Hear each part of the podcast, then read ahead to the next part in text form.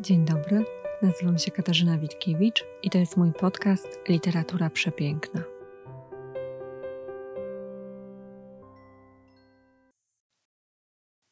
Jeżeli słuchacie Państwo uważnie moich podcastów i może też patrzycie na to, co robię na Instagramie, na moim profilu, to pewnie się już zorientowaliście, że ja co jakiś czas wyrzucam posty, w których pytam o to, jaki temat podcastu powinnam zrealizować. I wtedy padają z mojej strony przeróżne obietnice, no ale wiadomo, mi braknie życia, żeby to wszystko zrealizować. Więc jest jak jest i te odcinki nie są tak często, jakbym chciała. Co wynika przede wszystkim z tego, że ja je robię absolutnie sama, czyli nagrywam nocami i potem w kolejne noce obrabiam ten dźwięk. I wśród tych moich obiecanek pojawiały się takie tematy jak temat dotyczący postmodernizmu, postmodernistycznej intertekstualności, był też kiedyś temat o kampie i o tym, czy kamp i kicz to jest dokładnie to samo, czy to są tożsame pojęcia. A kiedy pokazałam, że czasami w podróży czytam kryminały Agaty Christie, bo Agata Christie to jest pisarka mojej młodości, takiej zakazanej młodości. Odkrywałam te kryminały wtedy, kiedy rodzice nie patrzyli. To kiedy wrzuciłam o tym post, to pojawił się taki pomysł, żeby omówić kryminał jako gatunek i sprawdzić, czy tam coś jeszcze zostało do odkrycia, czy literatura gatunkowa, a zwłaszcza kryminały, muszą lecieć po schemacie. I otóż nagle, zupełnie nieoczekiwanie, wpadła mi w ręce książka, która łączy w sobie te wszystkie tematy, czyli i postmodernizm, i camp, i przekroczenia gatunkowe, a przy tym okazało się, że jest to tak zabawna książka, że kiedy chciałam zaznaczyć śmieszne momenty, przy których naprawdę można nie tylko się uśmiechnąć, ale zaśmiać się w głos, to wyszło mi, że mam tych zaznaczeń ponad 200 i to się mija z celem, bo zaznaczam niemal każdą stronę. Ta książka nosi tytuł Inspektor Wołeczek i żar Czung Palarmy. Napisał ją Andrzej Graul, a wydało wydawnictwo Glowbook, które jest takim moim ostatnim odkryciem, bo przeczytałam od nich trzy książki i wszystkie okazały się na bardzo wysokim poziomie, aż boję się sięgać po kolejne, żeby ten efekt mi nie minął. I kiedy zobaczyłam tę książkę, to po prostu wiedziałam, że do niej zajrzę, bo ona wygląda przedziwnie. Ona krzyczy.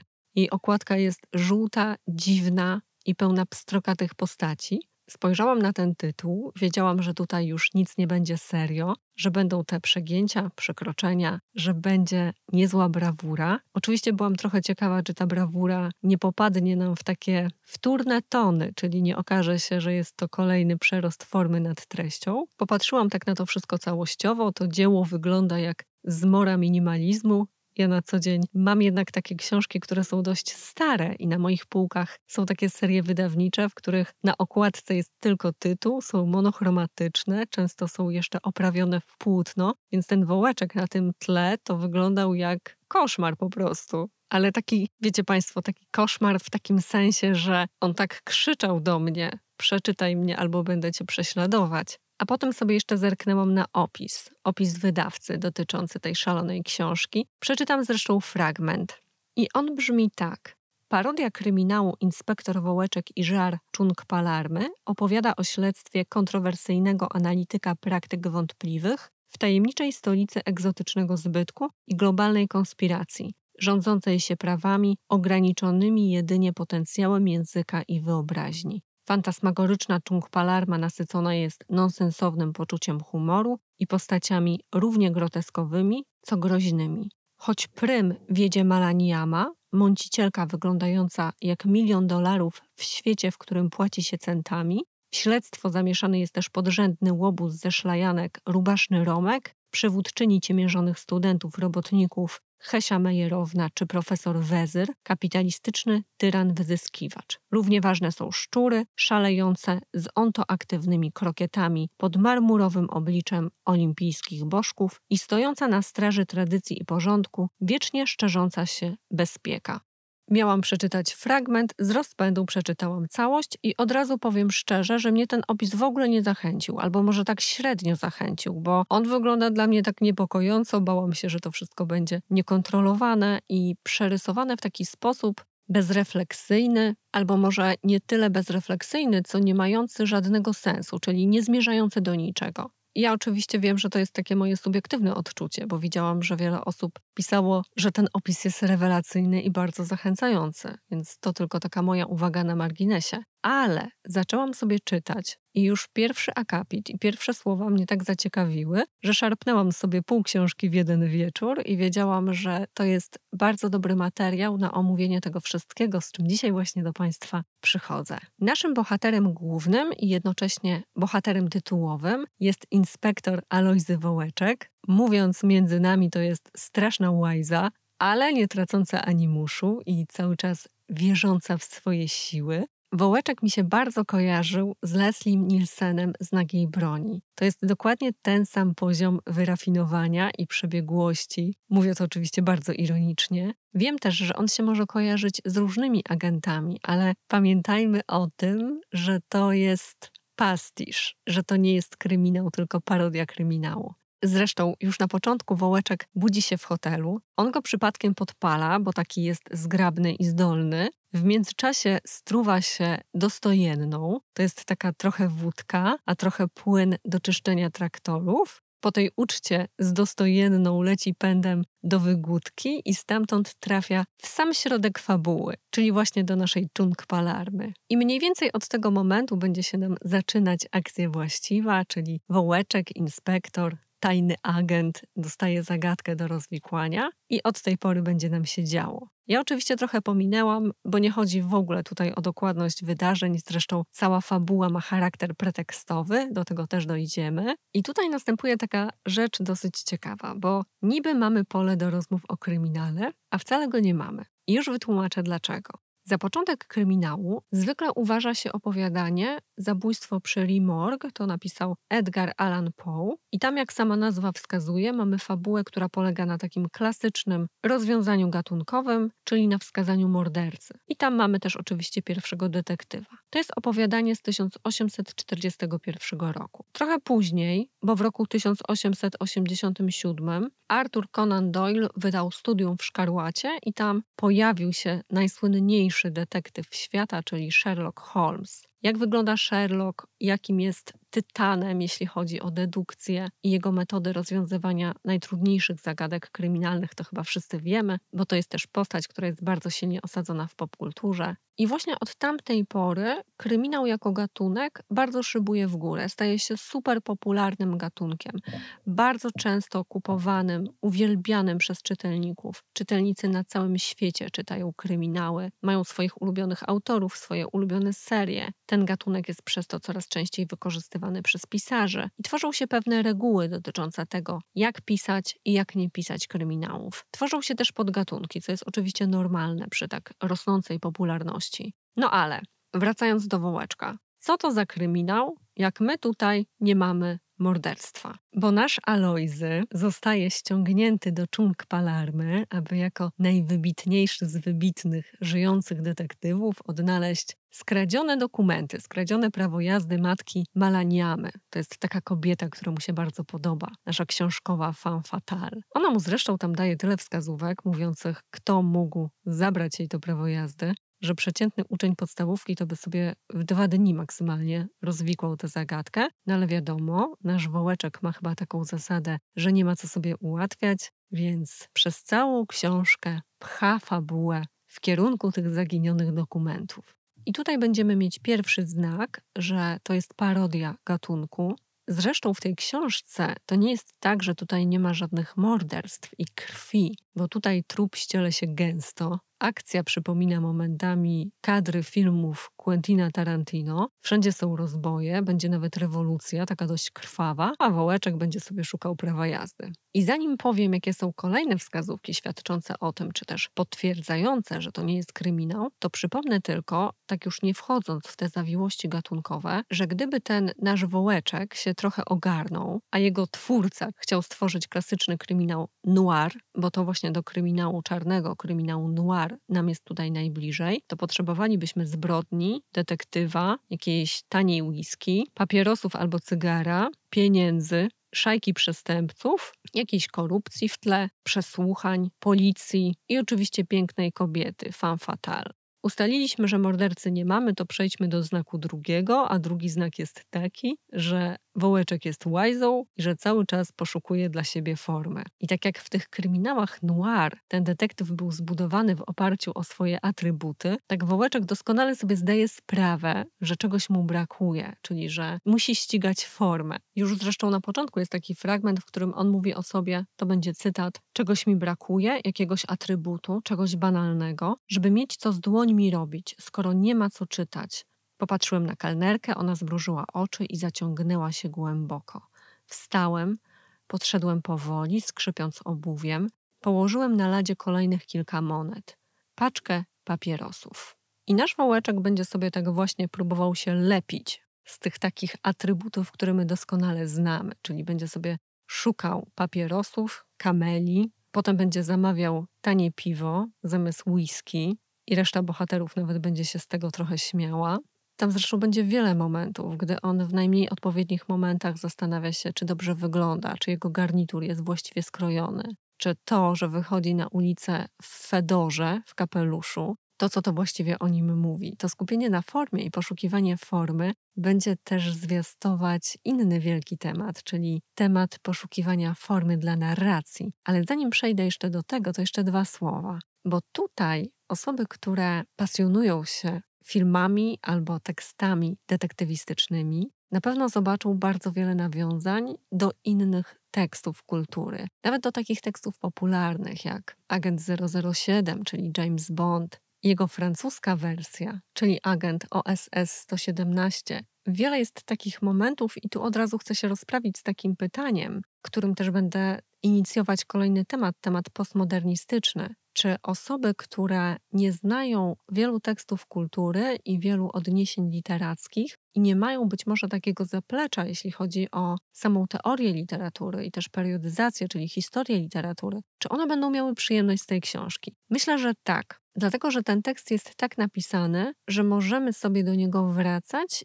i wyszukiwać te aluzje literackie, aluzje też kulturowe w dowolnym momencie i niezależnie od tego, ile znajdziemy tych rzeczy, to ten tekst i tak się broni, czyli i tak jest zabawny i możemy go czytać na takim zupełnie podstawowym poziomie. Oczywiście im więcej znamy tych wszystkich rzeczy, tym ta przyjemność będzie większa, ale pokażę za chwilę, jak to czytać, żeby też móc te wszystkie rzeczy wyłapać. I może po prostu przejdę do tego, co jest tutaj o wiele ciekawsze, czyli te postmodernistyczne zabawy metatekstowe i intertekstualne. Bo z jakimi formami i dziełami mamy tutaj do czynienia? Powiem zupełnie szczerze, że nie mam pojęcia. Ja zaczęłam to liczyć, zaczęłam to zaznaczać, wynotowywać, ale cały czas mam wrażenie, że tam jest i jeszcze, i jeszcze, i jeszcze. Już nawet sam początek, kiedy inspektor Wołeczek wysadza w powietrze hotel, to potem jak gdyby nigdy nic idzie i jest taki fragment, że poszedł na farmę sobie trochę popracować, gdzie ludzie byli skupieni na pracy i prostym życiu i tam poszedł zarobić i poszedł dalej. I to jest dokładnie to, co my mamy w tych wszystkich tekstach, wielkich tekstach autorów takich jak Steinbeck, jak Faulkner, te wszystkie powieści, w których bohater idzie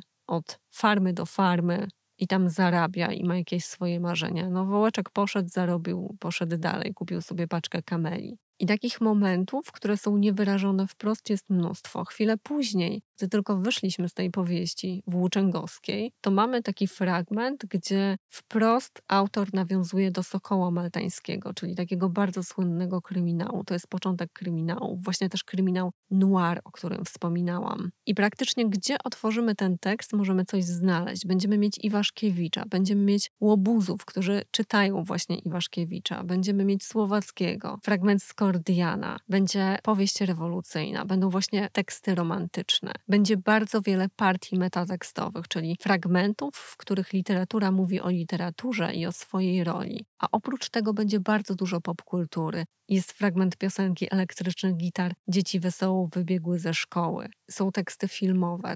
Jest kawka, przy czym Wołeczek upiera się, że to pewnie była kobieta. Mówiłam też, że jest powieść rewolucyjna, powieść rosyjska, ale zapomniałam dodać, że w pewnym momencie Wołeczek trafia nawet na wygnanie. Ten rozdział nosi tytuł Wygnanie i głodowanie, tylko zapis jest chyba po rosyjsku. Jest to zapis fonetyczny i tam nasz uciemiężony bohater dostaje chleb, wodę i literaturę rosyjską, takie dopełnienie tego obrazu nędzy i musi patrzeć na biedę. On dostaje tam taką celę z widokiem na podwórko i przez to podwórko przewijają się przedstawiciele tej ubogiej warstwy społecznej i on oczywiście niczym bohater rzuca pieniądze wprost w tę biedę, chociaż kilka stron dalej przyznaje, że wcale nie dał się na to nabrać, zna takie fortele, z literatury oczywiście i niech nikt nie myśli, że nagle zmiękło mu serce. Zastanawiałam się nawet, czy w wołeczku są jakieś formy narracyjne, które nie zostały wykorzystane. Takie, które ja znam i których nie mogę tam odnaleźć. I szczerze mówiąc, nie mam pojęcia, ale chyba nie, bo wołeczek jest i komiwojażerem, i jest też aktorem teatralnym, bo przez moment wystawia monodram w kamienicy. To jest monodram oparty na wydarzeniach z jego ekscytującego życia. Jest też awangardzistą, takim prawdziwym awangardzistą z okrzyków Tadeusza Pejpera Miasto, masa, maszyna. Miesza to zresztą z hasłami historycznymi, także takimi, które weszły do mainstreamu. Jeśli oglądacie Państwo moje relacje na Instagramie, to tam wskazywałam, że jednym z takich tekstów jest słynny zwrot, który powiedział Zenon Kliszko. Z kontrrewolucją się nie rozmawia, do kontrrewolucji się strzela. W naszej książce, czyli w Wołeczku, będziemy mieć trawestację tego tekstu i ona będzie brzmiała z kontrkulturą się nie rozmawia, do kontrkultury się strzela. Jest wreszcie nawet fantastyka. Są inspiracje światem dysku Preczeta, one chyba są dość wyraźne, widać je na poziomie budowania struktury postaci przede wszystkim. Jest lawirowanie między grozą a groteską. I tutaj też będzie taki zabawny fragment jak Wołeczek, który jest też komentatorem tego, co się dzieje w tekście. Jest takim strażnikiem formy, to w którymś momencie złapie narratora za słowo i powie: Halo, co my tu robimy? Robimy jakiś horror, a mieliśmy zmierzać do kryminału. Takich mrugnięć okiem do czytelnika będzie bardzo dużo. Zaczęłam to sobie wszystko wypisywać, ale tego jest naprawdę tak dużo i za każdym razem robi się tego jeszcze więcej, że nie ma najmniejszego sensu, abym wszystko teraz wymieniała. Tym bardziej, że największa przyjemność płynie jednak z tego, że to wszystko się deszyfruje samodzielnie. Ale pytanie główne nie powinno brzmieć, jakie teksty tam mamy, tylko po co one tam są i dlaczego autor w ogóle się na coś takiego zdecydował. Czy to jest powtórka, czy to jest cytat, czy to jest naśladowanie, co to w ogóle jest. I czy to jest zrobione tylko po to, żeby było zabawnie, czy też na marginesie tej śmiesznej historii, takiej odwróconej, absurdalnej, przeskalowanej i też nie mającej większego sensu, jeśli tak popatrzymy na to, że jest detektyw, który został w jakiś magiczny sposób ściągnięty do dziwnej krainy, która jest właśnie fantasmagoryczna. I jego ściąga jakaś piękna kobieta, która potrzebuje dokumentów swojej matki, bo nie chce jeździć tramwajem, bo do tego to się sprowadza,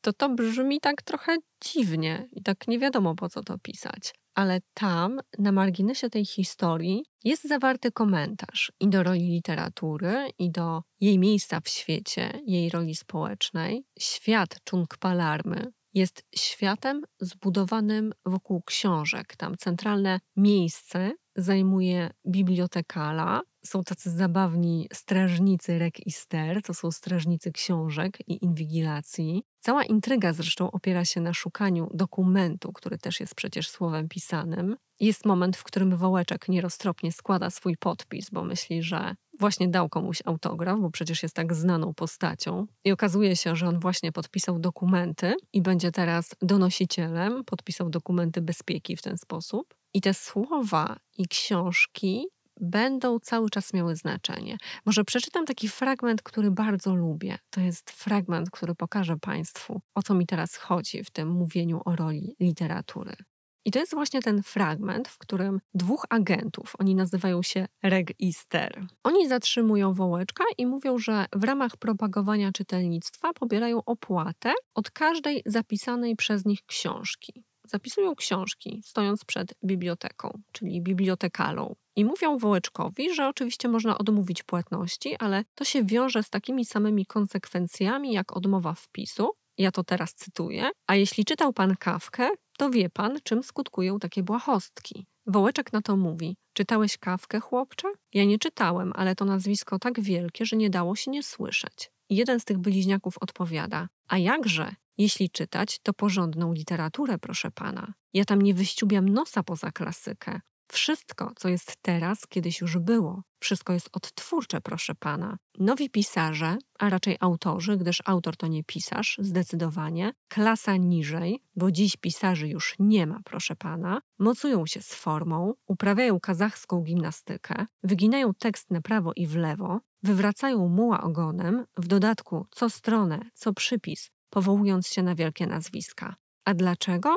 Bo w domenie treści już nie błysną. Z tego ziarna już nic ponad trawy nie wyrośnie. Ale dla nich to dobrze, bo w końcu jest w miarę równo, bezstronnie, płasko. Już nie ma wielkiej literatury, proszę pana. I nie będzie. Czas wielkich treści już przeminął. Nie ma nic uniwersalnego, wszystko jest spersonalizowane. Jeśli jak głoszą umarła historia, to literatura wybrała się na jej pogrzeb i nie spieszy się wracać na salony. Jej lament słychać z daleka, ściska nam serca, ale co począć? Ten fragment jest długi i jest fenomenalny i jest tak naszpikowany ironią, bo tutaj są te wszystkie nasze zawodzenia, także takie instagramowe, że o, dziś już nie ma książek, wszystko się skończyło, wszystko już było, nic nie ma sensu, po co to pisać? To jest tak wspaniale rozegrane. Tutaj zresztą klasyka, literatura jest pisana wielką literą, żeby też nam dać odczuć, jak wielkie to są słowa, jak wielkie mają znaczenie. Lektura tego jest wyborna. Każda osoba, która czytała książki, dla której książki są ważne, a wierzę, że tutaj gromadzę takie audytorium, nie ma opcji, żeby się przy tym nie uśmiechnąć, bo my jesteśmy w jakiś sposób uwikłani w te wszystkie spory pomiędzy tym, co wysokie i tym, co trywialne, pomiędzy kulturą masową a literaturą wysoką. I ja tak właściwie płynnie przeszłam do tematu, który jest najważniejszy tutaj z mojego punktu widzenia, czyli do tematu kampu. Kamp jest terminem, który jest średnio znany, albo nawet bardzo mało znany. A to jest takie ważne pojęcie w kontekście obecnej literatury, obecnej sztuki, kultury, bo kamp jest czymś, co jest przegięte, wyskalowane, wyolbrzymione w tej kwestii estetycznej, a przy tym to nie jest puste. To musi mieć sens i kamp jest w pewien sposób zaangażowany, czyli opowiada się za czymś istotnym. Dlatego też z kampem jest taka sprawa, że o ile kicz może powodować u nas taki estetyczny odrzut i możemy to od razu skreślać i uznać za nieciekawe, jeżeli to po prostu do nas nie trafia, to pomimo tego, że kamp ma z kiczem trochę wspólnego, zwłaszcza na tym poziomie estetyki, to przez to, że mamy tutaj właśnie celową opowieść o czymś ważnym, to nas do tego kampu ciągnie. I mówię o tym tak dużo, dlatego że ta książka jest w swojej istocie kampowa. Jest taki tekst, jeśli Państwo chcecie zgłębić temat, bo oczywiście najsłynniejszym tekstem o kampie są notatki o kampie Susan Zontag, zaraz do tego dojdę, ale to jest trudne i takie dość chaotyczne, dlatego że Zontag ten tekst pisała też tak trochę na gorąco. Ona pisząc ten tekst po prostu zbierała swoje obserwacje. Ten tekst miał być przyczynkiem do dyskusji. On stał się takim kanonem, jeśli chodzi o teksty o kampie i o wykładnie kampu, ale gdy się go czyta, to tam jest bardzo dużo znaków zapytania i część z tych test później stała się punktem wyjścia do dyskusji, a jest tekst, który jest o wiele bardziej przystępny. I ten tekst nazywa się Kamp po polsku. Napisała to Anna Mizerka. Bardzo to polecam, bo on bardzo porządkuje ten temat i dla osób, które lubią pastisz, lubią teksty rozrywkowe, zabawowe, ale mądre, czyli takie teksty z przesłaniem. Wołeczek jest właśnie takim tekstem. To ta lektura może być taka bardzo odświeżająca i taka otwierająca. I Anna Mizerka tam pisze o tym, że są dwie główne cechy kampu. I to są też dwie główne cechy cechy tego tekstu, który trzymam teraz w dłoni, czyli inspektora Wołeczka. To, że jest tam estetyczne przegięcie i jest moralne zaangażowanie. A jest też takie zdanie, które ona napisała, że Kamp pozwala uczłowieczyć postmodernistyczną teorię, bo postmodernizm to jest ten nurt, który właśnie bawi się intertekstualnością, który bardzo ceni sobie formę, ale który też przez te eksperymenty i przez te najeżenia różnymi odnośnikami, które nie zawsze są czytelne, to są teksty trudne. One powodują czasem taki opór w czytelniku. Więc to, co chciałabym, abyśmy zapamiętali o tym kampie, to to, że to są właśnie takie teksty, które będą wyolbrzymione, które będą kochały sztuczność, nienaturalność, przesadę, Cała Chung Palarma jest oparta na przesadzie. Tam są piękne ciała. Jest taki profesor Wezer, który jest pokazany jak młody Bóg. On jest zawsze naoliwiony, bardzo często jest nagi. Tam wchodzimy nawet w takie elementy pornograficzne w jednej scenie, które są oczywiście dość śmieszne, bo taka jest konwencja. Jest ta nienaturalność, jest ten romans z kiczem, ale jednak unikamy tego kiczu, czyli po prostu dajemy coś więcej. Kamp jest też kolażowy, łączy różne rzeczy ze sobą. Nawet ten tekst zadałam sobie pytanie, czy łatwo jest zdeszyfrować aluzje literackie. Niektóre jest łatwo, dlatego że są wprost pokazane, czyli są wyodrębnione i mamy fragment tekstu Iwaszkiewicza. Możemy wrzucić to sobie nawet w Google i Google nam powie, że to Iwaszkiewicz i my wiemy, że to jest Iwaszkiewicz. Czasem jest trudniej, ale też ze względu na taką rytmiczność frazy, one się wybijają w taki sposób, że możemy zwrócić na nie uwagę. I ta kolażowość, te zlepki będą kolejną cechą. Zresztą inspektor Wołeczek dzieli się na dwie wyraźne części. Jest ta część, w której mamy fabułę, tę pretekstową fabułę polegającą na rozwiązywaniu zagadki. W końcu tam Wołeczek dochodzi do jakichś wniosków. Cały świat mu pomaga. Mam wrażenie, że wszyscy już mają dość tej zagadki. Chcą, żeby ona została rozwiązana. Zresztą większość bohaterów mówi, że nie ma pojęcia o co mu chodzi i czym właściwie ten człowiek się tutaj zajmuje w tej Chung Palarmie. I to jest ta pierwsza część. Ona jest niesamowita niesamowicie zabawna. Jest też druga część, która jest takim komentarzem społecznym, ale jest też historycznym uzasadnieniem obecnej struktury Chung Palarmy. To też jest ciekawe, że początkowym stadium było wypiekanie ciasteczek przez harcerki. Zostawię to Państwu do odkrycia, całą tę historię z ciasteczkami, tym jak zmieniał się ich skład, jak trzeba było ciąć koszty, jak trzeba było kamuflować różne rzeczy, a końcowym stadium jest zupełny kapitalizm i właściwie też monopol, bo wszystko ma być w rękach jednego człowieka. Ten komentarz społeczny, ten komentarz dotyczący kondycji współczesnego świata, on jest pełen bardzo błyskotliwych uwag o nowoczesnych społeczeństwach, takich szybko rozwijających się, de facto opartych na antagonizowaniu grup społecznych, bo ten rozwój, czy ta zmiana, przeobrażenie Chung Palarmy nastąpiła poprzez zarządzanie kryzysem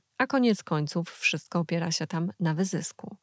I ta kolażowość form, bo ta część jest zupełnie inaczej napisana, mamy tu znowu inne formy narracyjne, też będzie cechą kampu.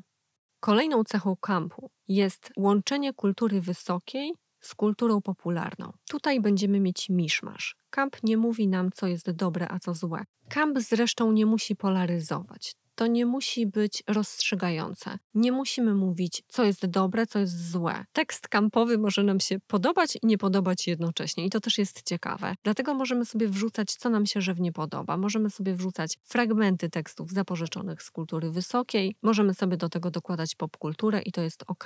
A z tym się wiąże kolejna cecha, czyli łączenie takich kategorii, które są skrajne i z pozoru nieprzystające. Będzie to trochę takie jak pulp fiction, czyli taka pulpa, do której wrzucamy różne rzeczy i trochę je mielimy i patrzymy, co nam z tego wyjdzie. Ale to wszystko jest świadome, czyli to nie jest tak, że sobie autor wziął na chybił, trafił różne rzeczy i próbował coś z tego rzeźbić, bo wtedy to by się w ogóle nie trzymało kupy. Ale to też jest to, co Susan Zontak wskazała w swoim tym słynnym eseju z 1964 roku. Susan Zontak podkreśliła w tym eseju, że do kampu potrzeba pasji tworzenia i wrażliwości. I że autor musi mieć ponadprzeciętną wrażliwość, ale też musi jakby kochać to, co robi. Ta pasja i zaangażowanie jest tutaj kluczowe. I gdy czytamy Wołeczka, to widzimy to, jak bardzo autor nie tyle wiedział, co robi, tylko jak też się bawił tym tekstem, jak, jaką dużą przyjemność chciał nam oddać i jak starał się sprawić, żebyśmy mieli przy tym świetną rozrywkę, żeby to było coś ważnego, bo ta ważność tematu, do której cały czas wracam pośrednio i bezpośrednio, będzie się wybijać, ale nie w sposób nachalny, a przy tym wszystkim to jest po prostu bardzo zabawne i przejaskrawione w taki sposób, który nie jest męczący, tylko jest odświeżający, daje nam prawo śmiania się w głos, ale też rewidowania swoich poglądów i nabrania dystansu do pewnych rzeczy. Ja mam takie tendencje do wpadania w patos i czytania literatury tej takiej wielkiej bardzo na serio. A ta książka pokazuje mi, że można czasem spuścić z tonu, można czasem się tylko pośmiać, że to też jest ważne. I będę już tak powoli zbliżać się do końca, bo czuję, że mogłabym o tym wołeczku jeszcze mówić bardzo, bardzo długo, co jest dla mnie takim dużym zaskoczeniem na plus. Zwróćcie Państwo uwagę, gdy będziecie czytać Wołeczka, nie tylko na te aluzje i na te śmieszne momenty i na to brawurowe posługiwanie się słowem, bo autor wspaniale posługuje się słowem i kiedy trzeba zderza takie finezyjne, barokowe wręcz frazy z takim knajpianym dyskursem, to zwróćcie uwagę na to, co on próbuje nam powiedzieć.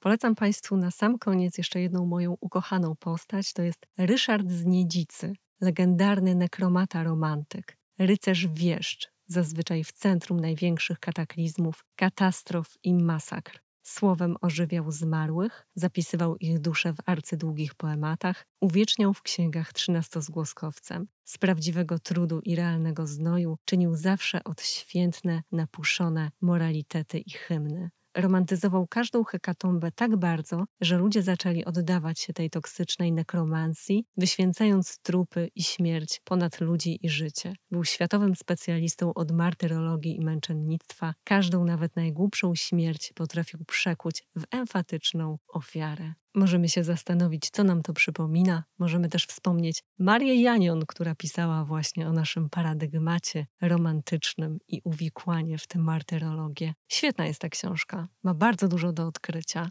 i robi to w taki zupełnie nienachalny sposób. Bardzo Państwu dziękuję, że byliście ze mną, a jeśli sięgniecie po wołeczka, do czego oczywiście zachęcam, to podzielcie się ze mną proszę tym, co udało Wam się w nim znaleźć? Jakie tropy, jakich bohaterów, jakich pisarzy? Bardzo dziękuję i do usłyszenia.